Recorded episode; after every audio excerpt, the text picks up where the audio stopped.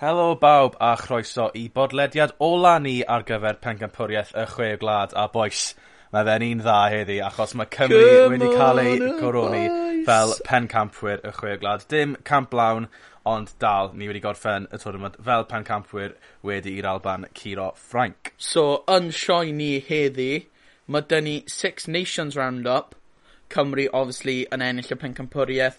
Ni hefyd mynd i trafod am y gêm anhygoel y digwyddodd dy Gwener diwetha rhwng Ffrainc a yr Alban, a hefyd mewn, mewn, mynd mewn i bach o pwy sydd wedi cael ei nominatio fel chwaraewr y tournament. hefyd top try scorer, top assister, stuff fel na. Ni basically mynd i wneud round-up o'r tournament yn ei gyfanrwydd.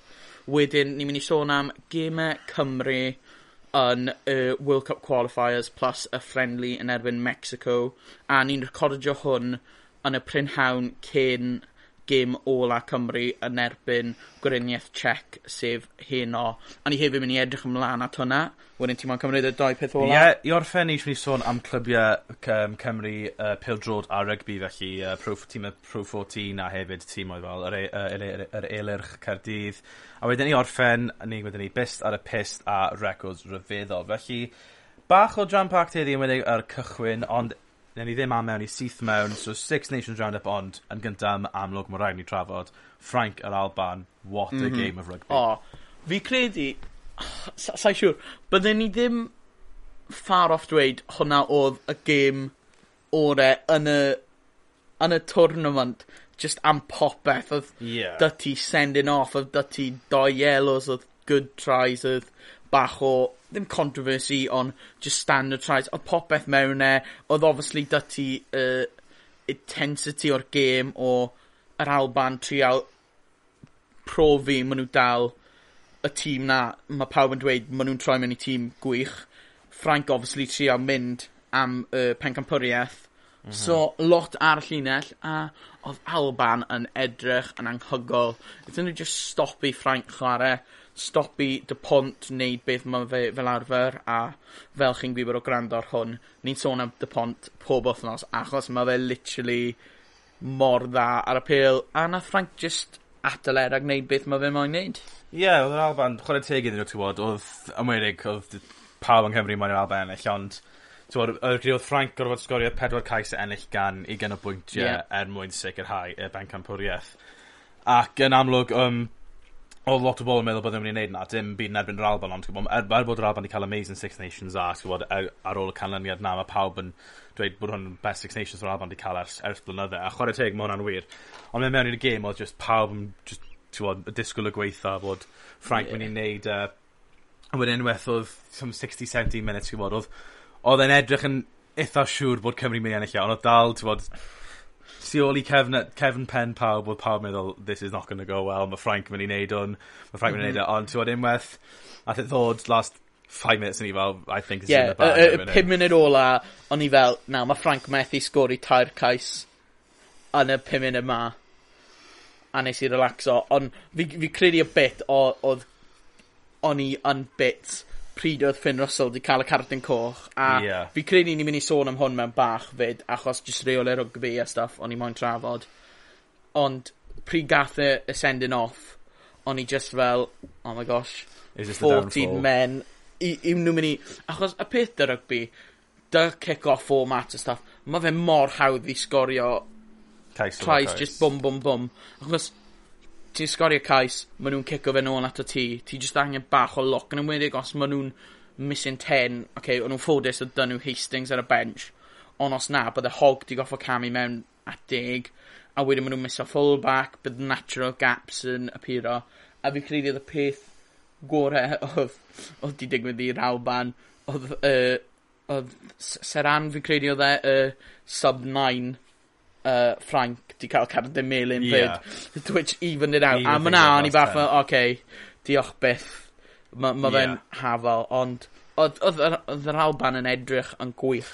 O'n edrych very very good team ti'n bod, a cwbl haeddi Annan ennill y gêm mhm. 'na ti'n bod, nath oedd Nathon nhw profi pawb yn anghywir, nath e'n anhygoel. Wedyn Cais van der Mew ar y diwedd just fi'n credu just yn top o pethau off iddyn nhw. Oedd yn gêm um, absolutely anhygoel iddyn nhw. Ac uh, yn amlwg o ganlyniad mae Cymru wedi ennill y uh, Mengaporaeth wedi cael ei coroni fel Ben Camper. So os i jyst yn edrych ar y tournament i gyd, really, o'n i just mynd tîm wrth tîm. O'n i ddechrau o'r gwylod a gweithio'r ffordd lan. So yep. Eidal, obviously, be, be mae pawb yn disgwyl, really, just gorffen ar weilod, heb ennill un game, disappointing, underwhelming.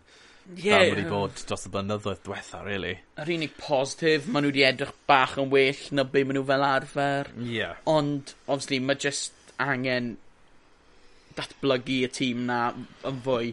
A fi honestly meddwl y peth gorau gall yr eidl wneud yw actually gadael y Six Nations. Ti wedi os, fel ni wedi sôn off promotion, relegation promotion system, relegation. Yeah. Chos mae George yn chwarae'n anhygoel ar y foment. Mae'r Eidal ddim.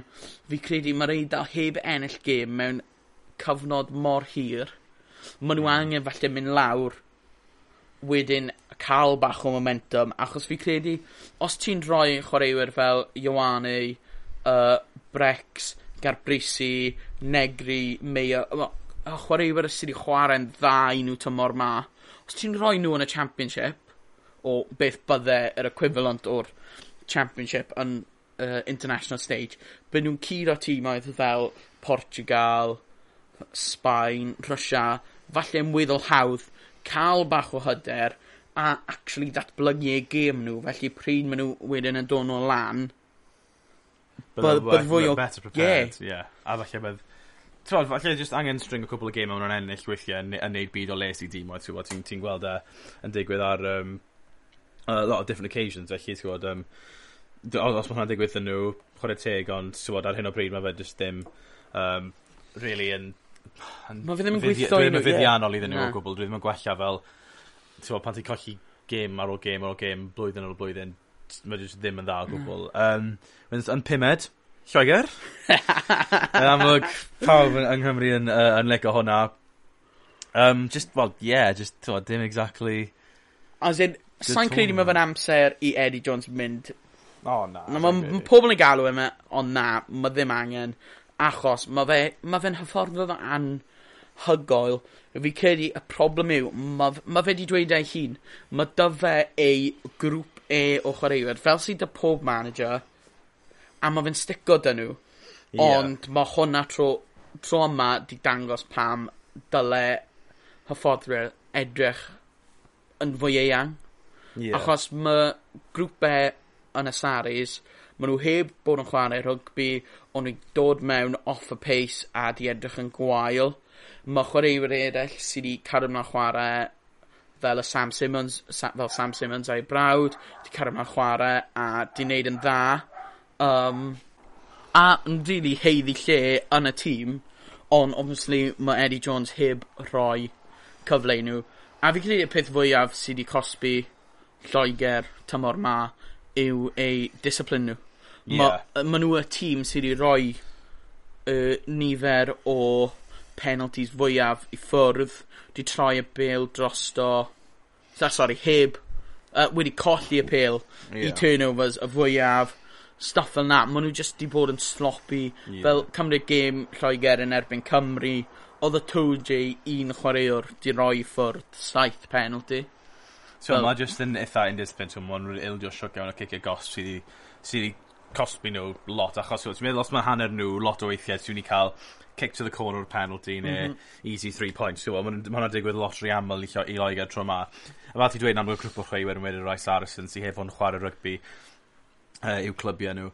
Mae hwnna'n amlwg, ti'n ffili mynd mewn ar tywod, llwyfan rhwngwladol a just disgwyl iddyn nhw cario ymlaen um, yr un safon pan maen nhw heb chwarae dros y misoedd diwetha. Dwi ddim yn digwydd fel na'r un peth llwyfan rhwngwladol unrhyw fath o chwaraeon ti'n mm. ni sôn. Os mae'r chwaraewyr heb bod yn perfformio heb chwarae o gwbl, ti'n ffili jyst disgwyl iddyn nhw ddod mewn ar ôl misoedd o heb chwarae a cynnal ar un safon, dim match practice dyn nhw.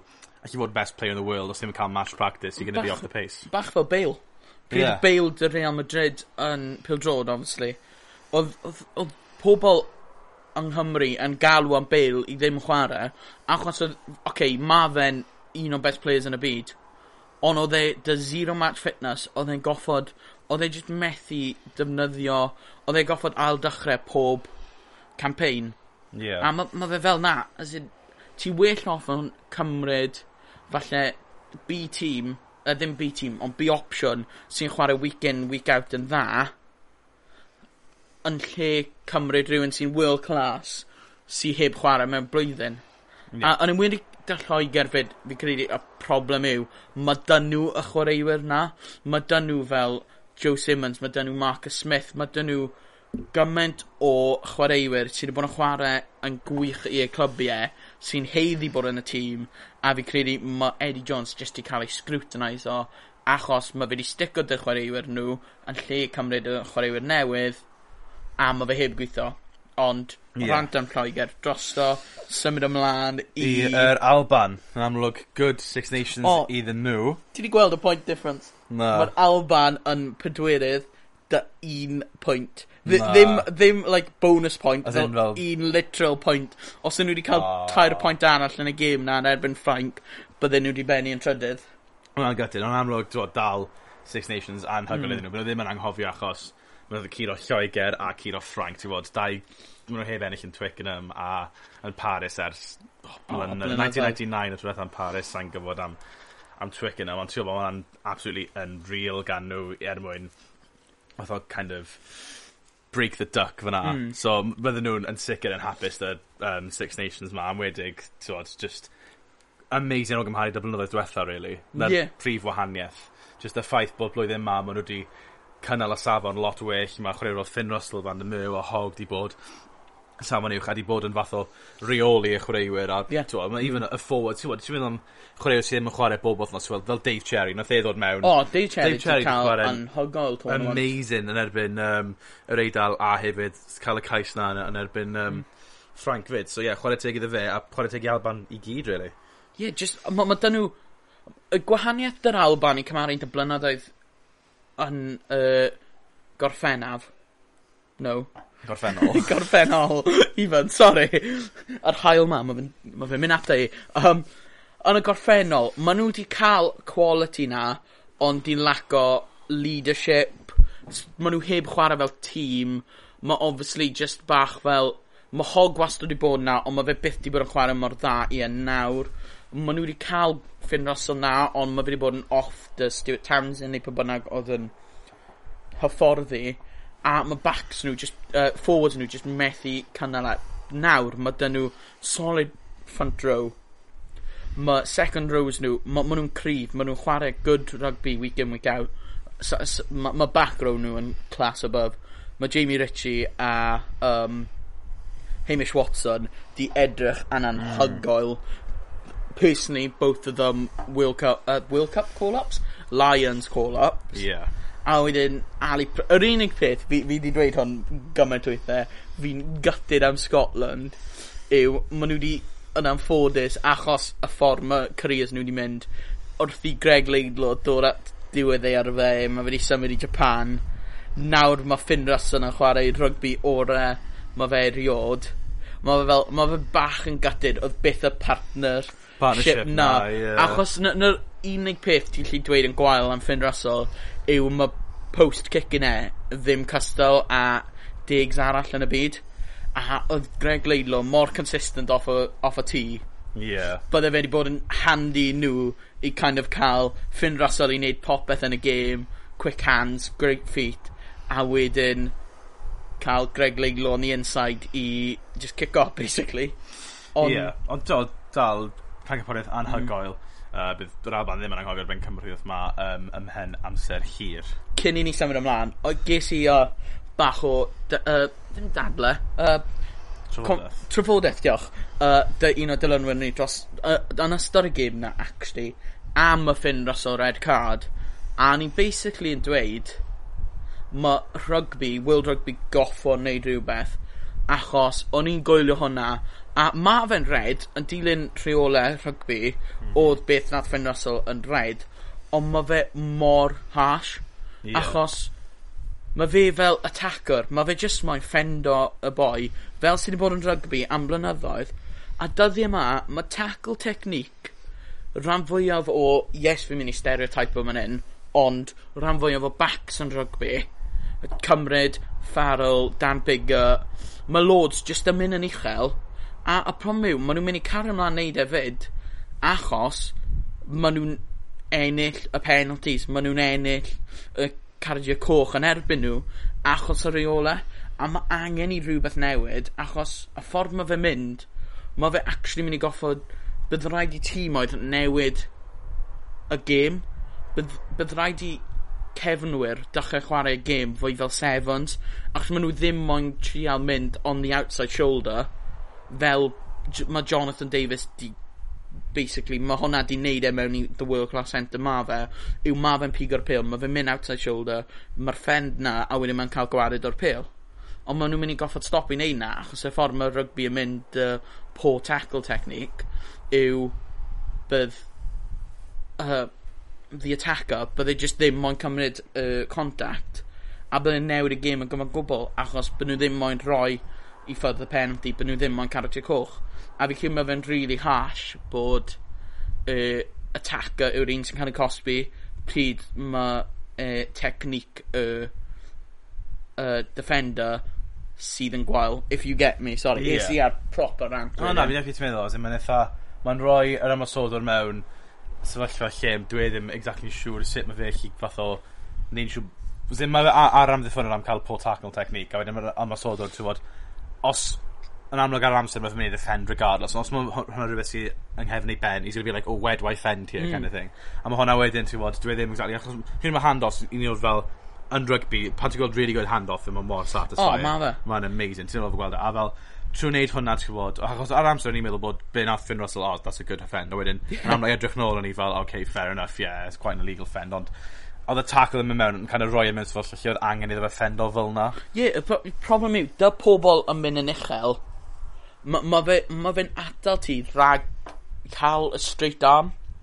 As in achos mae fe o- obviously os mae fe'n mynd yn isel mae llaw ti naturally mynd i straightno i allu ffendo fe 'da straight arm i mynd rownd e. Ond prif fe myn' ma' fe'n mynd yn uchel mae fe bron yn troi mewn i bounce a problem yw dy backs fel arfer, so nhw moyn mynd am two arm bounce, achos y ffordd mae rygbi yn dyddiau yma, ti moyn cadw pil na mae'n un llaw, mm. mae un llaw yn ffendo, a wedyn mae dyti y llaw arall i gobeithio denu doi attacker, simple offload, two on one, a mae'r boi mewn.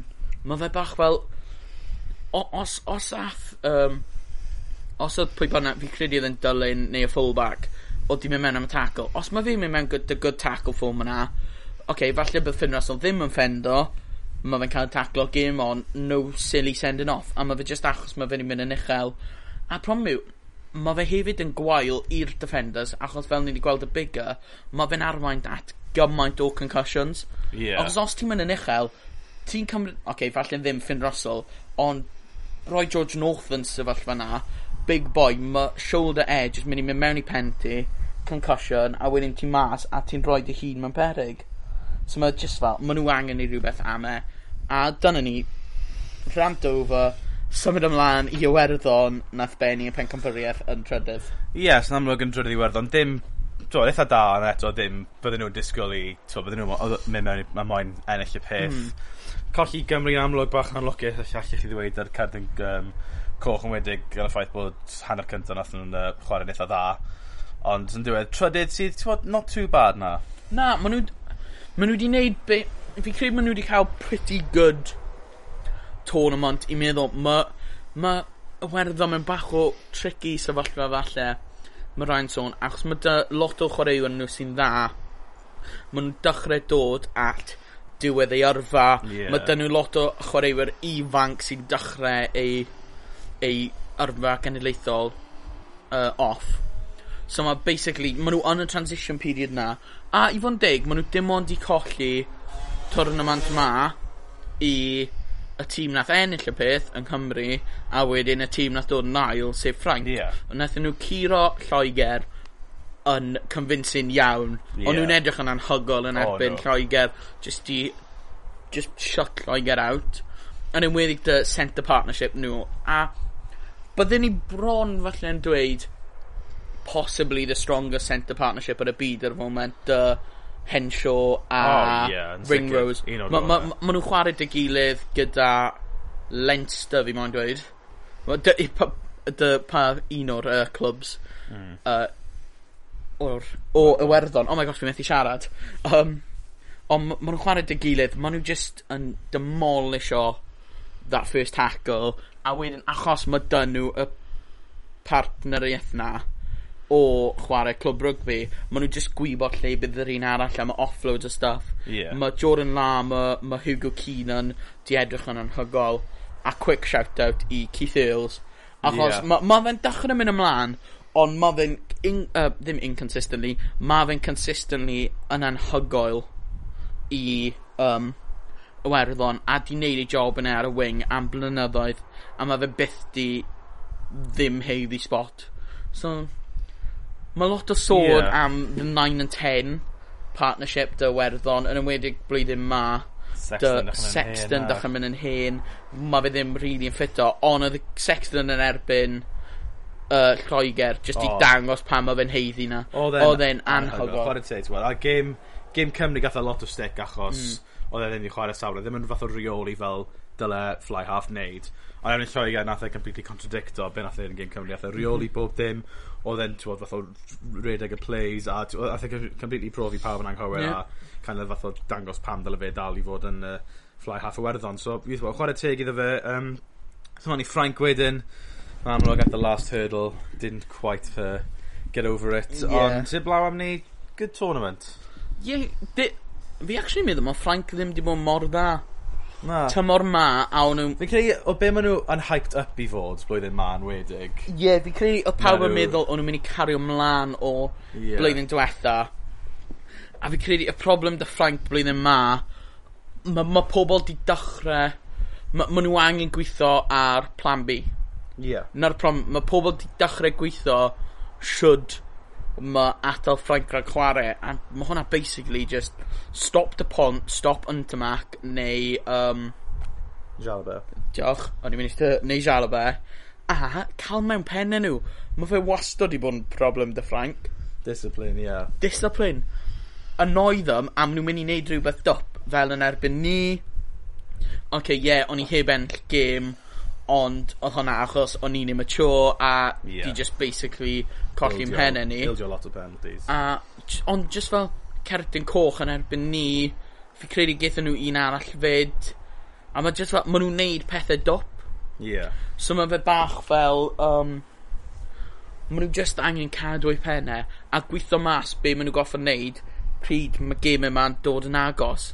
Achos fi credu blwyddyn ma'n yn, yn, yn enwedig yn erbyn Lloegr a'n erbyn yr Alban pryd mae gêm na'n agos ar y diwedd, maen nhw just yn neud silly stuff fel, um, oh my gosh, beth... Oedd e'n dylun, fi credu oedd e, ti'n gwybod pryd nath y cloc tra'n goch, a nhw wedi troi y pil dros do, oh, a'n yeah. lle just cico fe mas i ennill gêm, oce, okay, yeah, bydden nhw ddim di ennill y tournament, ond o'n nhw ddim mynd i at that point. Nid nhw trio redig e, ildio penalty, a wedyn nath yr hawlfan sgori yeah, o ganlyniad o'r penalty na i ennill y gym. Yeah. So mae ma bach o fel stoff yna, a fi credu na be mae Sean Edwards a'r tîm hyfforddi na yn ceisio wneud, ond mae fe just ddim na eto. Na. On yr unig... Mae'n ma, datblygu, ond oh. dwi e ddim y cweith cyrraedd y safon disgwyliedig a'r safon drogladol y ti'n disgwyl. Ond eto. ar yr un pryd, y peth ofnus yw mae Dupont yn tymac a Jalabert 21 neu llai. Ie. Ma' ma' ma' nhw'n ma' nhw yr un oed yna ni a ni'n iste yma yn sôn am nhw a ma' nhw'n neud hynna. So ma' definitely digon o amser i nhw troi mewn i chwaraewyr anhygoel. So dyna Frank, a wedyn ni nôl i ni fel y pencampwyr. So Ie, so ti bod Cymru ar gyfanfeddig y tournament yn redig wrth ystyried faint o wael oedd y Autumn Nations Cup. Mm -hmm a faint o scrutiny nath pifac a well, cwbl o chwaraewyr yn y carfan um, derbyn yep. fyd. Ond ti'n bod, profi pawb yn anghywir yn y, yn y pengypwriaeth ma? Ie, yeah, wel, fi, fi, fi, fi mynd i ymddiheuro nawr ar y sioed adio yma, achos fi'n cofio ti'n dweud ar ôl gêm na yn erbyn y werddon, falle camp blawn. A oce, okay, ie, yeah, o'n i heb ennill e, ond ni wedi ennill y pencampwriaeth. O'n i yn agos. Ond o'n i hefyd O, o, des i mewn i hwn yn meddwl, o, byddwn ni yn cymryd... Byddwn ni probably yn cymryd trydydd neu pedwerydd fel yr Alban, ond ni jyst i excelio. Mae'r ma, ma chwaraewyr ifanc sydd wedi dod mewn wedi wneud yn anhygoel. Mae she wedi bod yn consistent off y bench. Ond yn unig peth gwael fi'n mynd i dweud am Sheedy yw, ddim, ddim Sheedy yn personol, fwy am pifac, yw fi dal yn credu wnaethon ni wneud subs lot rhy gynnar yn y gêm na yn erbyn Ffranc. Ie, yeah, cyn cytuno ti fyna, oedd yn amlwg, oedd y gêm yn agos, wel, trwy'r gêm i gyd, felly mm. oedd newid pethau'n eitha gynnar yn amlwg yn Dan dangerous, fath o chwarae gyda tan, the either works for you, works against you, a nath e ddim weithio er lles Cymru. Uh, Na, o'n i jyst yn meddwl, y, y, y problem yw, ddim byd yn erbyn y chwaraewyr achos mae si di haraholo. Mae pob yn fanna di dod ymlaen a di wneud wonders i ni tournament mm. ma. Ond yn erbyn, yn gêm mor fawr a hwnna, ti angen yr experience a fi'n credu dyddi yma, yn enwedig dy Cymru fel i ni, ni'n tîm sy'n trained i chwarae 80 plus minutes. Yeah. So, gadael nhw arno, fi'n credu oedd angen bigger na fel big hitter at 10. Mae Jonathan Davis does such experience yn chwarae fel 12, well, neu just unrhyw un yn y backline na, oedd angen cadw nhw arno a fi credu nath nhw cymryd off oedd obviously just yr experience ar pitch di gollwng yeah. a fi credu oedd hwnna heb helpu fyd wedyn Frank yn mynd lawr i 14 ond wedyn ni wedyn yn mynd lawr i 13 men oedd e just fel inconsistency yeah. silly mistakes lost ahead lost focus a nath e cosbi ni ond Ni dal di ennill. 'Na'r na, peth pwysica. Ma' pobl ifanc fel fel Louis Rhys Amet. um, mae fe wedi dod mewn cael tymor anhygoel obviously mae fe hefyd 'di ca'l ei nominato fel chwaraewr o'r tournament alongside Falatau. he's had an unreal tournament 'di kind of rhoi ei hun nôl falle i ble mae pawb yn gwybod dyle fe wedi bod Yeah. If you get... Yeah, mae ma fe nôl lan at safon na. A wedyn y chwaraewyr arall sy'n na yw um, Dupont. Um, no, Dupont na fyd. Uh, fi ti'n meddwl um, Tad Byrne. A wedyn Falatau, Henshaw, Rhys Amet. A wedyn... Uh, Hamish Watson. Hamish Watson. Oh. Fi, fi methu galw e. Na, mae'n, ti'n lot o chwaraew sy'n gwybod clywed hyn. Fi'n credu mae Hamish Watson yn fath o dark horse shout. Fi'n credu bydd e Lana fel one of the players. Ti'n da, I think he's got a very, very good shout. Yr unig peth fi'n mynd i dweud am hwn, a fi wedi dweud e trwy gydol y Six Nations ma, y problem yw dy staff ma, mae fe'n vote. So, mm. ti'n bod fel y uh, cwpl o thnosau gynta, nath y Rhys Amit ennill top try, uh, best try of the round am doi wythnos ganlynol, pryd oedd e ddim yn heiddiau. E ti'n t'mod y y coese yn y game gynta odd just a simple finish in the corner. Yeah. Nath hwnna curo um, Monty Iwane the, an amazing chip dros y top a ni fel wel dyle hwnna ddim 'di ennill ond mae fe obviously just lawr i pobl yn fowto. So fi credu mae'n a chance bydd yn ennill e Just achos Yeah. Pobl yn fowto yn lle falle yn fwy deserved yw fel Falatau neu Hamish Watson. So who knows ond... Yeah. Wel, am pencampwriaeth, yeah, Cymru yn ennill, ni methu, wel, heb lawn gofyn am y gamplawn, ni methu rili really, gofyn am lot mwy myna. Na, Just dim. goffod cario ymlaen gythio nawr, a ddim wneud be mae Cymru fel arfer yn wneud yn ennill un blwyddyn, a wedyn blwyddyn nesa wneud yn gwael, fel nath y, fel nath Lloegr tro yma. Ond nawr i switcho o rhwgbi draw i y byd pil drod, yeah. ond cadw ato Gymru. Ie, yep, so yn amlwg mae Cymru wedi chwarae Gwlad Belg yn un o gemau ragbrofol Cwpan y Byd a hefyd wedi chwarae Mexico yn gêm gyfeillio. So yn amlwg Gwlad Belg colli o 3 gol i 1 ond oedd gol Cymru yn absolutely oh anhygol. 17 passes yn y build-up. Harry Wilson yn gorffen yn anhygol, mm -hmm. neat finish mewn i'r Conor Roberts, Gareth Bale, pawb yn chwarae ro hanfodol. Ie, yeah, ti'n bod, oedd e'n very good goal. Pob un chwaraewr yn Cris Cymru yn cael cyffredin o'r Bale um, yn y symudiad na. Felly, oedd hwnna'n addawol iawn.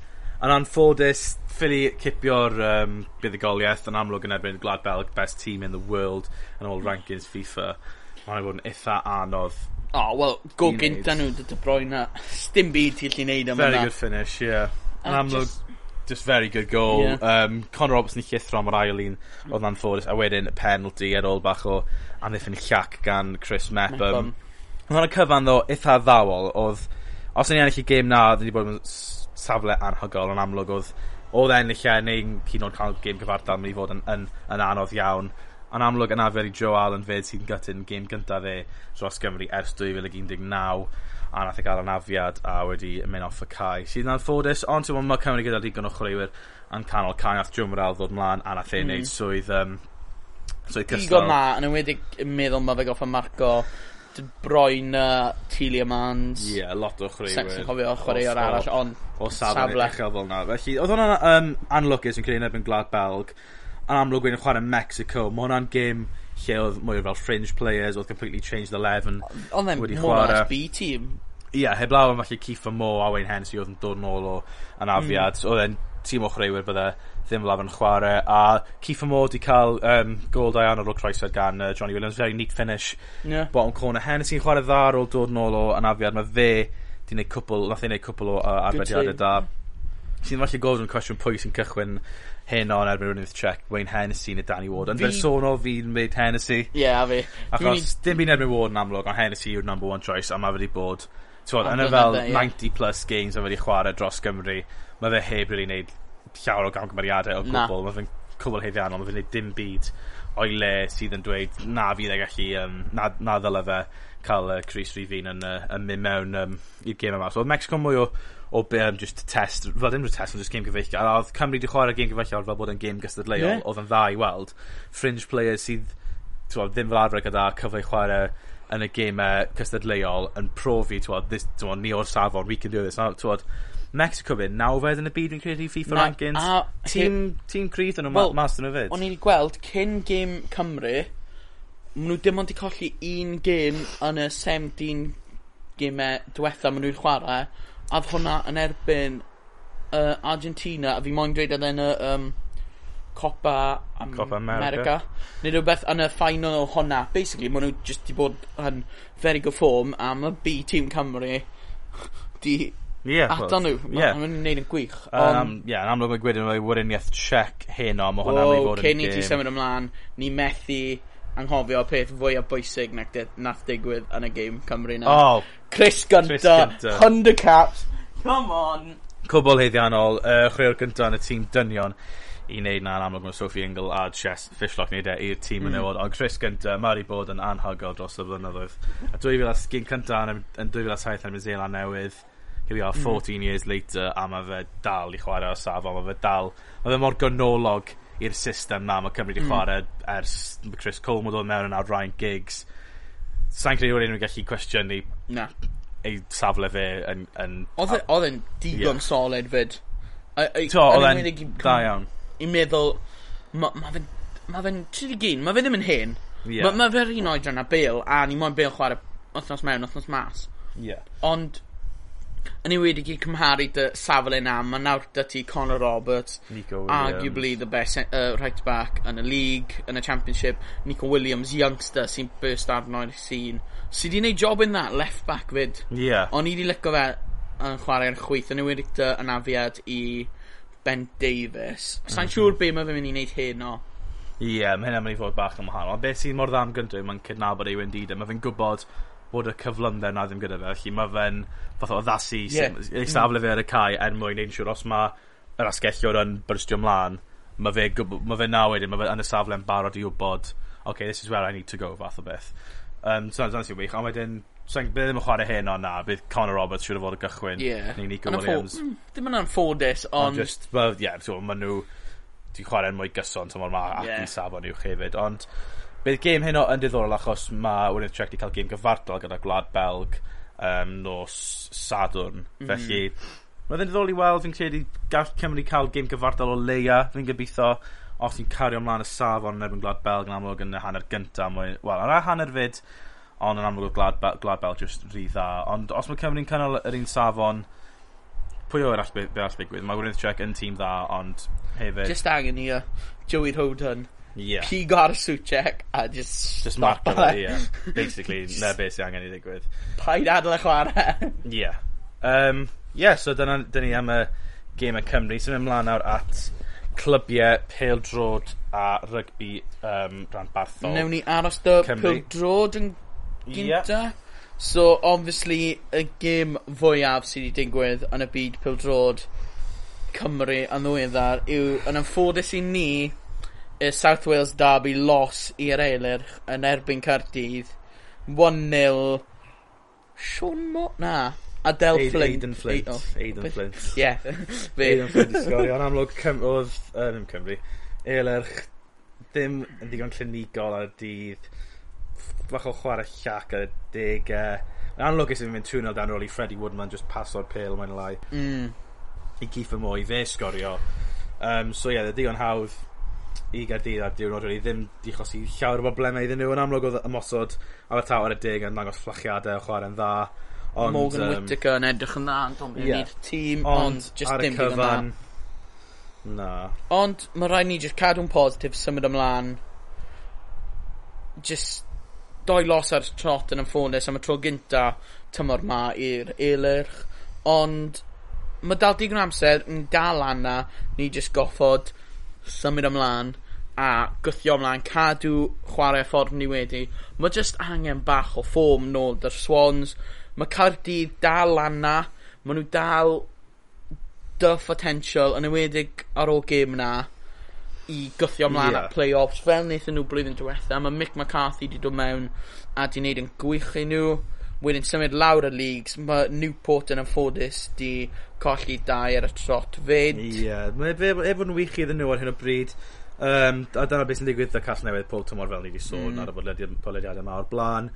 Ond um, ie, yeah, jyst gobeithio bod nhw'n gallu pigo pethau lan a um, cyrraedd y League One bydd nesaf. Ond wedi achos mae Josh Sheehan, os mae fe cario ymlaen i chwarae, yeah League 2 sa'n credu yn cael lot o gyfleoedd yn tîm cynta Cymru. Wel, mae fe, ma fe di dechrau chwarae i Cymru nawr. Y, y peth ofnus yw meddwl am y ffordd arall. Os maen nhw'n cario mewn aros yn League 2, at what point bydd tîm yn dod mewn am si hyn. Yeah. Achos os mae fe gallu neud na i Cymru, a. Sa'n gallu... Sa'n gweld pam nad yw e gallu neud na yn League 1 o leiau falle yeah. tîm arall neu hyd yn oed y championship fyd. Ie, yeah, ond ond ffwm cwbl gwrthgyferbyniol yw Wrexham. Ennill 3-0 efo'n Bromley, 2-2 efo'n Eastleigh, ond ennill 2-0 efo'n Weymouth. Mae nhw on their way up fi'n credu, os maen nhw cario ymlaen i chwarae mm. o'r safon maen nhw wedi bod pwy o oer yn amlwg. Maen nhw wedi chwarae'n really dda, Mae nhw'n financial back in nawr i ddod o chwaraewyr newydd mewn, mm -hmm. er mwyn uh, cyflogi hyfforddwyr um, sydd, sydd o safon um, proffesiynol. Fi pwy o'r gobeithio bod nhw'n cael um, dyrchafiad achos mae pawb moyn gweld mwy o dîmoedd Cymru yep. yn uh, cyfrifiad proffesiynol a pwy wrth o'r Wrexham yn cario ymlaen fel maen nhw you never know allan nhw gyrraedd na a wedyn symud ymlaen o symud nôl actually i'r byd rygbi so ni just mynd i basically sôn yn gloi am uh, Pro 14 blwyddyn yma achos mae fe newydd dod i ben echddoe lle nath Leinster cipo fe yn y final yn erbyn Munster fully deserved. Mae Leinster wedi bod y tîm orau mm -hmm. blwyddyn ma.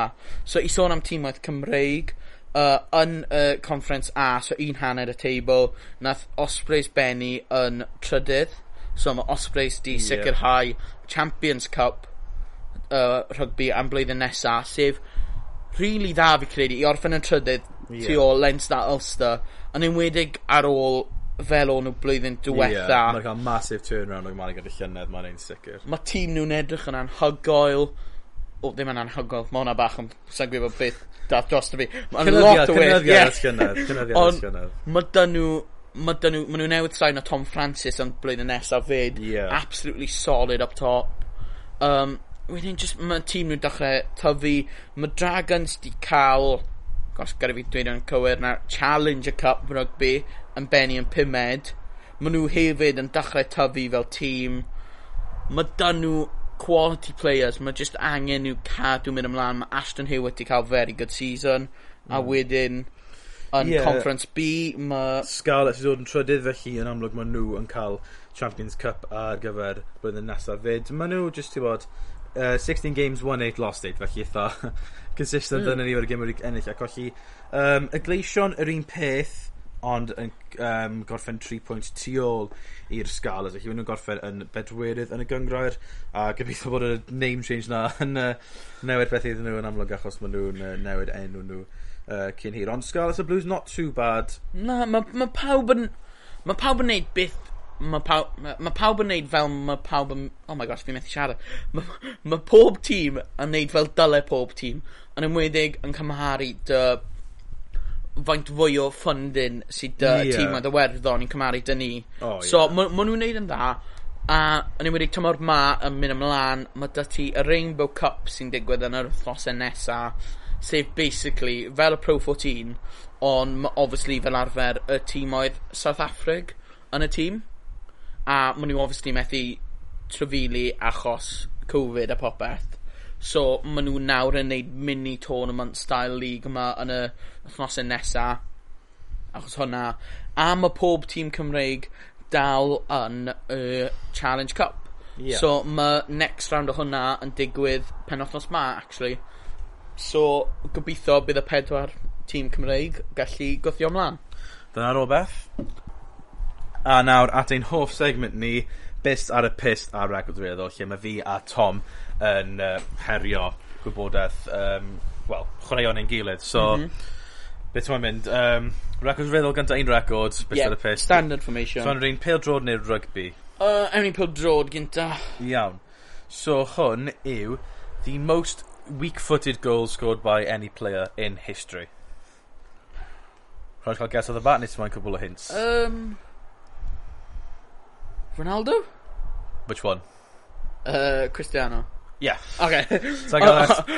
O'n i'n stuck between either Ronaldo or Messi, yeah. o'n i fel... So I oh. guess faint o weak foot goals o'n i sgorio? Uh, Fi moyn dweud, mae wedi sgori tua 770, fi credu oedd e the other week, fi cofio yw fynd i rhywbeth. Yeah. So fi'n mynd i dweud 500 nhw ar y strong foot, maybe 100 headers, so that leaves me with 170. Bach, well, llai, ond agos. Cant 48? Llai eto yn agos. Cant 30? Cant 39. Oh, okay. Oh, Eitha off a weak head maths yeah. not too bad, man. so, yeah. on, fel, so, 100 goals yn amazing hyn, 139 weak foot goals alone yn absolutely mental. Mm. So, yeah, right, go on. Ni, fi, I'm not gonna lie, mae dy ti uh, pretty hard Beth yeah. ar y pes te no. Oh, Heno? Heddi, even. Right, go. so na i neud y cliwiau gynta. Yeah. So, cliw gynta yw... Spot, spot, Tom. Oh, pildod. sorry, sorry. Uh, ma, chwaraewyr ma di ennill yn 2012 Seri A's Best Young Revelation Award. Basically. Best Young Player. Yeah. Um, okay. Um, wedyn, cliw arall yw, mae style o player di cael ei cymharu i Ronaldo as in R9 Ronaldo. Okay. A fi wedi colli y trydydd clyw, so wrth i fi'n trio ffendo fe, na i dweud wrth y tîm oedd, so Deportivo Cali, mm -hmm. Udinese, Granada, Lecce, both of those are loan, Sampdoria ar loan, sain o'i nhw yn permanent, Sevilla, Fiorentina ar loan, a wedyn Atalanta nawr a wedyn fi wedi cofio trydydd clyw.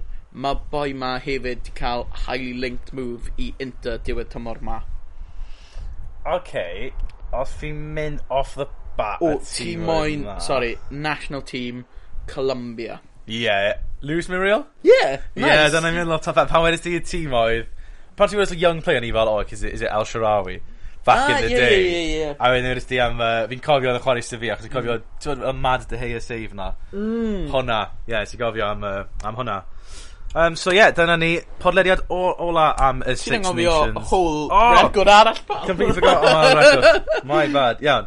So, uh, sorry, hwn yw, uh, most, fel chwaraewr, most international rugby losses as a player. Sergio Parise.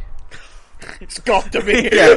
Mae'r boi, yeah. ma, fi cream mae fe'n y top 10 most appearances a mae fe chwarae i ddeud. So, allan 142 test mae'n i chwarae, faint mae'n i colli? Oh, fi ddim moyn gwyb. Mae'n mynd i, fi moyn dweud fel 110, but it's not. Mae'n mynd i bod fel 100, 106.